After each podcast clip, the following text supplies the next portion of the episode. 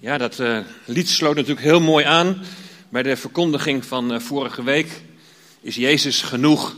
En Hij is genoeg voor mij en jou. Vorige week ging het aan de hand van uh, Handelingen 15, vers 1 tot en met 17 over de vraag hoe enkele Joden vinden dat heidenen behouden moeten worden. En dan zijn er een aantal Joden die zeggen, nou die heidenen die moeten besneden worden, net als ons. En Paulus en Barnabas die komen hier tegen in verweer en gaan dan naar Jeruzalem om daar de kwestie te bespreken bij de moederkerk, bij de apostelen en de oudsten. Het wordt een pittige vergadering en we gaan vandaag eens kijken wat ze gaan besluiten. Het thema is vrijheid en gelijkheid. En je ziet daar staan liberté, egalité, fraternité. Vrijheid, gelijkheid en broederschap. Waar doet ons dat aan denken? Ik hoorde daar al de Franse revolutie. Dat klopt. We gaan samen lezen Handelingen 15 vanaf vers 18. En Jacobus, het hoofd van de kerk in Jeruzalem, die is daar aan het woord. Waarschijnlijk is hij de broer van de Heer Jezus. En dan zegt hij in vers 18: Aan God zijn al zijn werken van eeuwigheid bekend.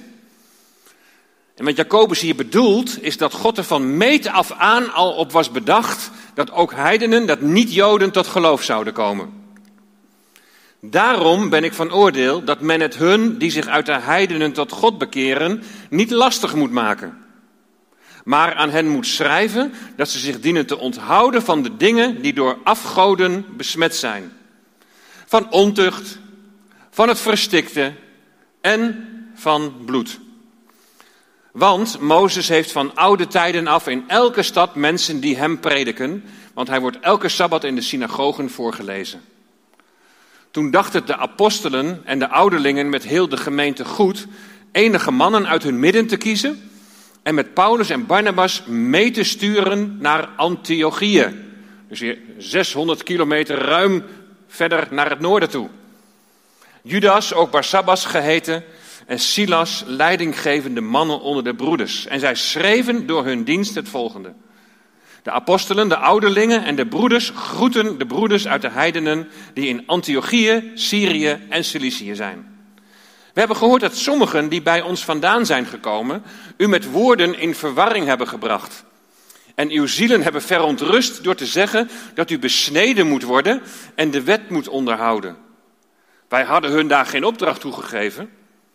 Daarom heeft het ons, nadat wij het eens geworden waren, goed gedacht enige mannen te kiezen en naar u toe te sturen met onze geliefden Barnabas en Paulus. Mensen die hun leven over hebben voor de naam van onze Heer Jezus Christus. Daarom hebben we Judas en Silas gestuurd, die hetzelfde ook mondeling zullen meedelen. Want het heeft de Heilige Geest en ons goed gedacht u verder geen last op te leggen dan deze noodzakelijke dingen. Dat u zich onthoudt van afgodenoffers, van bloed, van het, van het verstikte en van hoererij. Als u zich ver van deze dingen houdt, zult u juist handelen. Vaarwel. Toen men afscheid van hen genomen had, gingen zij naar Antiochië en na de menigte bijeengeroepen te hebben, overhandigden zij de brief.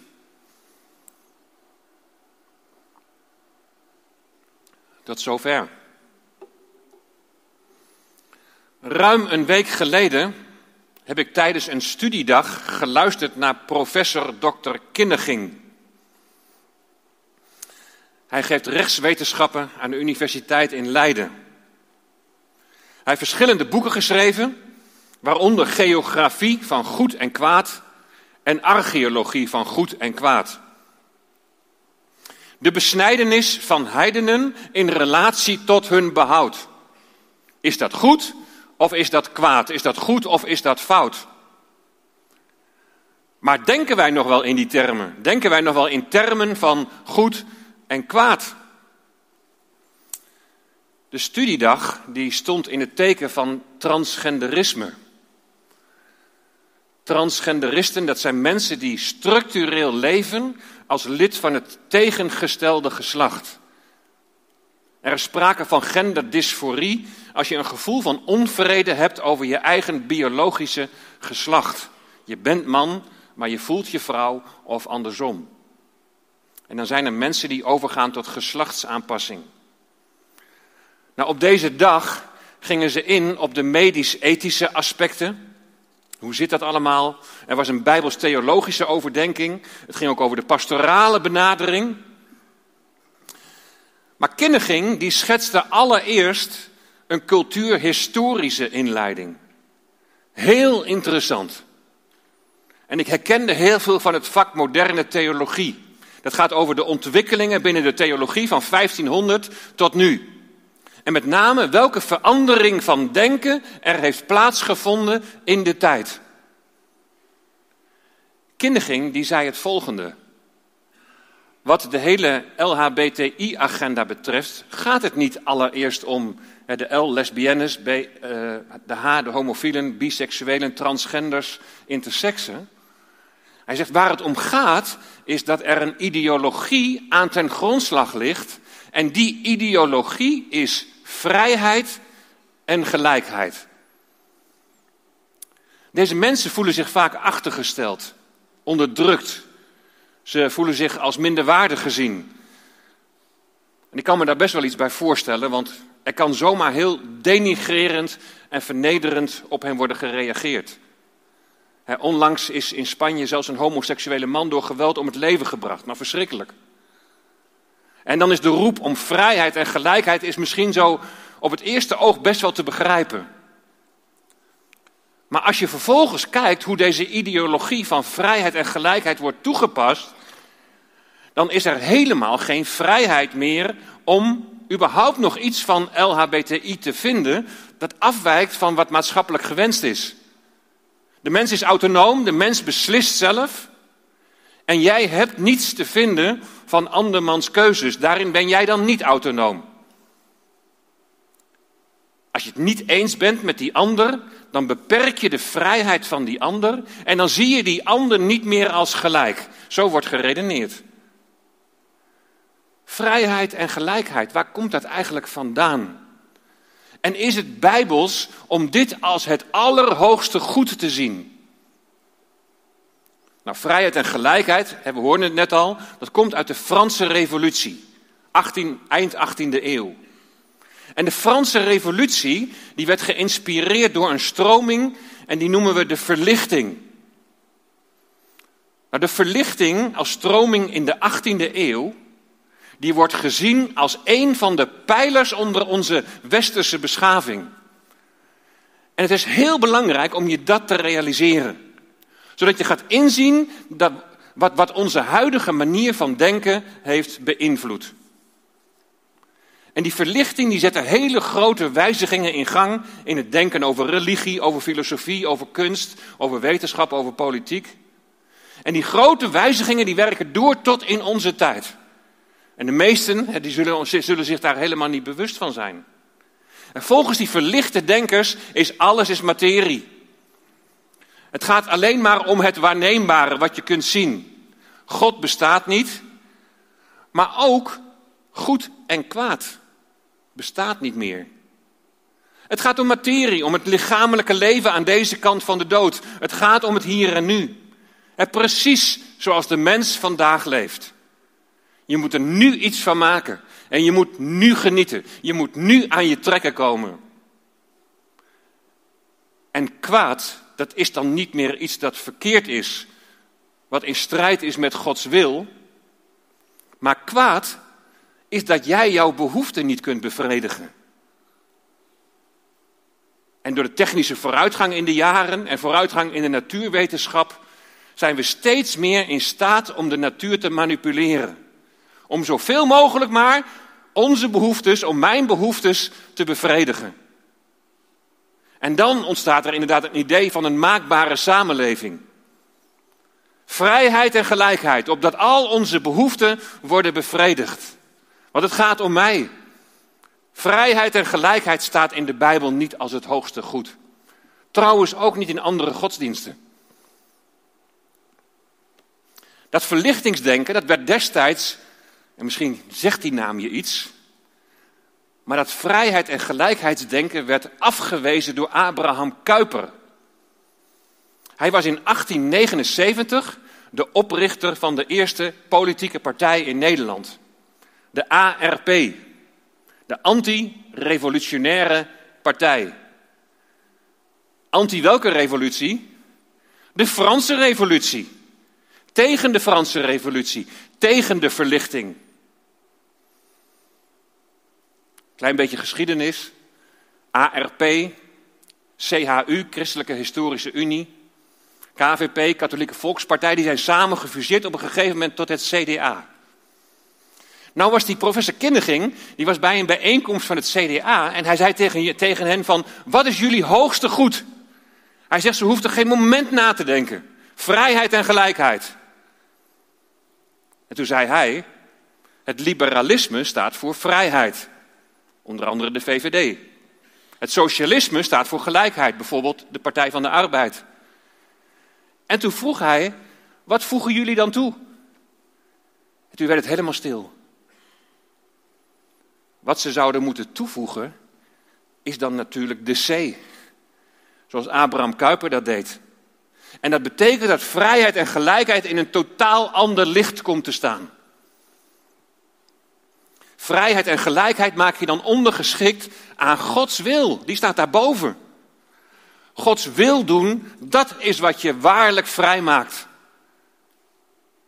Het hele vrijheid en gelijkheidsdenken is ook in de jaren ook binnengedrongen in de kerk. En zo op het eerste gezicht denk je misschien, ja wat kan daar tegen zijn? Vrijheid en gelijkheid. Het is een probleem als het als hoogste waarde wordt gehanteerd.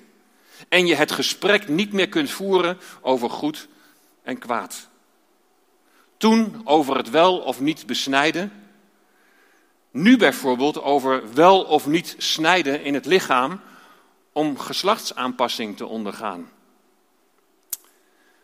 Het gaat er mij vanmorgen niet om dit tere en kwetsbare onderwerp nu eventjes te behandelen. Er zijn mensen die daar oprecht mee worstelen. En maar al te vaak zien we dat deze mensen meningen naar hun hoofd geslingerd krijgen zonder enige pastorale gevoeligheid. Maar waar het mij om gaat is dat het besproken mag worden. En dat het ook mag leiden tot een mening erover. En dat geldt niet alleen voor dit onderwerp. dat noem ik nu omdat ik dan naar die studiedag ben geweest. Waar het over vrijheid en gelijkheid ging. Maar het geldt voor ieder onderwerp.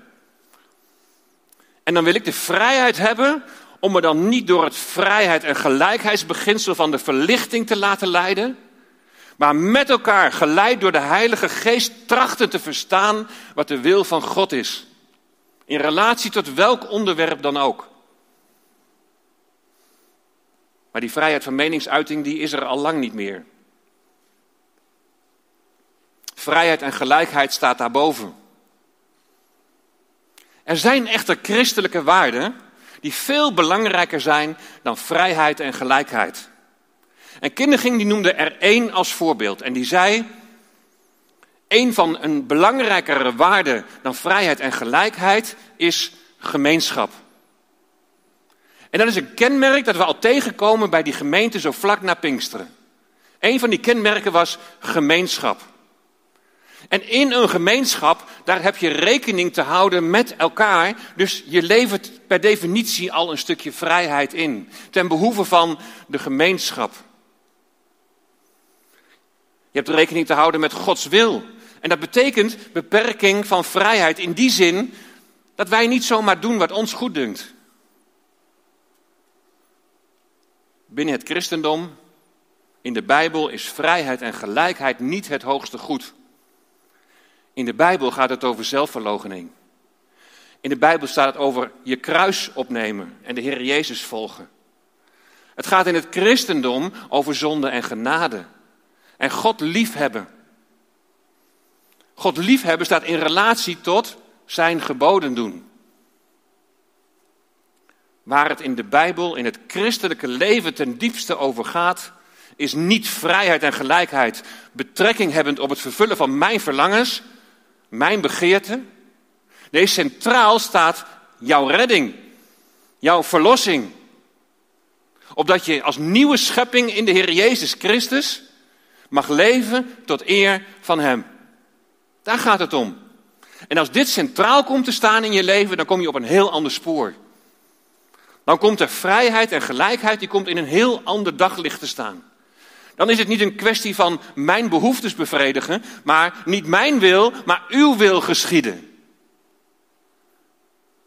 Direct al bij de zondeval ging het mis op het gebied van vrijheid en gelijkheid. De mens wilde vrij zijn om te eten van de vrucht. De mens at van de vrucht omdat hij aan God gelijk wilde zijn.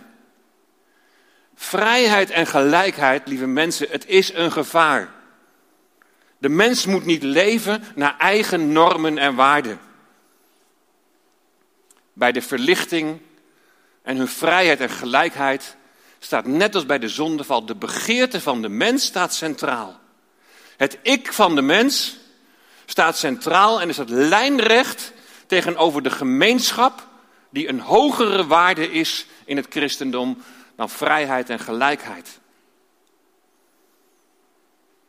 Hoe functioneert die gemeente in de eerste eeuw na Christus? Wat die gemeente betreft ging het niet om het ik, het gaat om het wij. In die gemeente moet een sfeer zijn, een cultuur zijn, dat je samen zoekt, oprecht zoekt wat Gods wil is. Dus precies zoals we dat nu zien tijdens die vergadering in Jeruzalem. En wat staat daar op het spel? Waar het werkelijk om gaat. Jouw redding, jouw verlossing. Waar moet je aan doen, waar moet je aan voldoen om gered of verlost te worden? Nou, de vorige keer hebben we gezien dat harten, zowel van Joden als heidenen, door het geloof worden gereinigd. Gered en gereinigd alleen door geloof. Maar toch wordt hier de heidenen, de niet-Joden, wel iets opgelegd. Jacobus is van oordeel dat men het hun die zich uit de heidenen tot God bekeren niet lastig moet maken, maar wel aan hen moet schrijven dat ze zich dienen te onthouden van de dingen die door de afgoden besmet zijn, van ontucht, van het verstikte en van het bloed. Het is dan de vraag waarom deze vier dingen worden genoemd. En wat is dan de actuele betekenis voor ons vandaag? Bij dingen die door de afgoden besmet zijn, moet je denken aan het eten van offervlees dat van heidense offers afkomstig is. Dus echt iets in die tijd.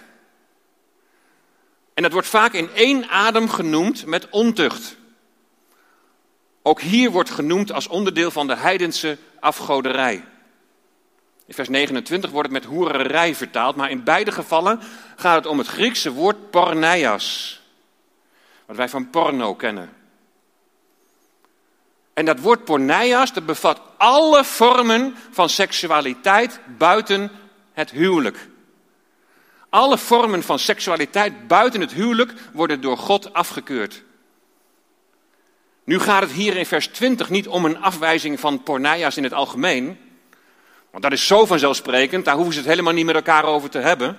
Maar in deze context gaat het over prostitutie, die ook weer met die afgodendienst is verbonden. Ook wat het verstikte en het bloed betreft, is er een band met de afgodendienst. Bij het verstikte gaat het om dieren die niet zijn geslacht, maar die op een andere manier om het leven zijn gekomen. En het gaat in het verstikte om het bloed dat in het vlees achtergebleven was. En daaraan gerelateerd is het verboden om bloed te eten. En dit was bij de heidenen was dit de normale praktijk. Bij bepaalde godsdienstige ceremonies werd bloed gedronken. Dus even echt naar de context van die tijd, die afgodendienst. Ze moesten alles waar de heidense godsdienst voor stond, moesten ze afzweren. Nou, je vindt deze kenmerken vind je ook terug in Leviticus 17 en 18. En ze staan daar echt in het centrum van de Torah, de eerste vijf boeken van Mozes. En deze voorschriften, die waren ook voor inwonende vreemdelingen. Dus ook niet zo verwonderlijk dat ze hier aan de heidenen, aan de niet-Joden werden gekoppeld. Alle vier waren rituele vereisten die bedoeld waren om gemeenschap mogelijk te maken tussen Joods en niet-Joodse eh, gelovigen. De nadruk ligt dus op het afzweren van alles wat doet denken aan die heidense afgodendienst. De niet-Joden moesten het verlangen om een heilig leven te leiden, moesten ze zo laten zien. Door alles wat in relatie staat tot de afgodendienst, dat uit hun leven te bannen. Naar onze tijd vertaald, omdat wij niet letterlijk zo'n vorm van afgodendienst kennen, kun je het volgende kun je als afgodendienst bestempelen. Het is afgoderij als je zegt dat het kwaad niet meer is wat in strijd is met Gods wil, maar dat het kwaad het niet kunnen vervullen van eigen begeerten is. Dat is afgoderij. Afgoderij is alles waar het eigen ik centraal staat. Als je niet ondergeschikt wil zijn aan Gods wil. Ik zei, we hebben morgen weer een trouwdienst. Pieter en Joker die gaan trouwen. En die hebben als trouwtekst Psalm 128 vers 1. Gelukkig ieder die ontzag heeft voor de Here en de weg gaat die Hij wijst.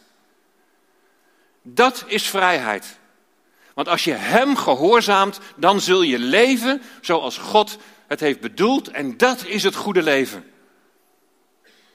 We zijn gelijk. We zijn samen één in Christus. In Hem verbonden met elkaar. En daar is de een niet meer dan de ander. Het was belangrijk om een besluit te nemen in Jeruzalem. Want, lees maar mee in vers 21, want Mozes heeft van oude tijden af in elke stad mensen die hem prediken, want hij wordt elke sabbat in de synagogen voorgelezen. Jacobus die zegt hier eigenlijk in eigen woorden, overal ter wereld zijn er in iedere stad van oudsher synagogen, waarop iedere sabbat de wet wordt gepredikt. Daarom is de vraag of gelovigen uit de heidenen zich aan de wet van Mozes moeten houden, is niet alleen relevant voor de gemeente van Antiochië, maar zal op iedere plek waar synagogen zijn, zal die vraag zich voordoen. Gelovigen uit de heidenen zullen voortdurend met die vraag worden geconfronteerd. Nou, we moeten hen nu, zegt Jacobus, helderheid verschaffen. Zodat we dit probleem voor goed de wereld uit kunnen helpen. En voor de gelovigen, niet-Joden, die naar de synagogen nog gingen en steeds onderwijs kregen uit de Torah, is Leviticus 17 en 18 herkenbaar. En voor de gelovig geworden fariseeën is het aanvaardbaar. Wat toepassing voor ons betreft, zou ik de vraag willen stellen in hoeverre het vrijheid en gelijkheidsdenken, zoals ik dat net heb geschilderd, ook misschien voor jou al een afgod is geworden. Jullie laten zo meteen in de doop zien dat je bent vrijgemaakt. Je oude ik, die zich liet leiden door eigen begeerte, waar het ik centraal stond, jouw afgoderij, gaat onder in het watergraf, sterft en wordt begraven. En je staat op. En je laat zo zien dat je een nieuwe schepping bent geworden die zegt, nee niet mijn wil, maar uw wil geschieden. Dat is de Heer Jezus navolgen. Je bent een nieuwe schepping die ook durft te onderscheiden in goed en kwaad. En soms is het niet gemakkelijk om daar de juiste antwoorden in te vinden. En moet je misschien wel heel lang met elkaar daar een weg in zoeken. En moet je ook misschien soms zeggen, ja bepaalde dingen komen we niet helemaal uit. Moeten we misschien laten rusten of even laten rusten. Het is niet altijd eenvoudig, maar het verlangen is er om te onderscheiden in goed en kwaad, omdat je de Heer Jezus wilt navolgen, omdat je Zijn wil wil doen. Het heeft ons en de Heilige Geest goed gedacht, zegt Jacobus.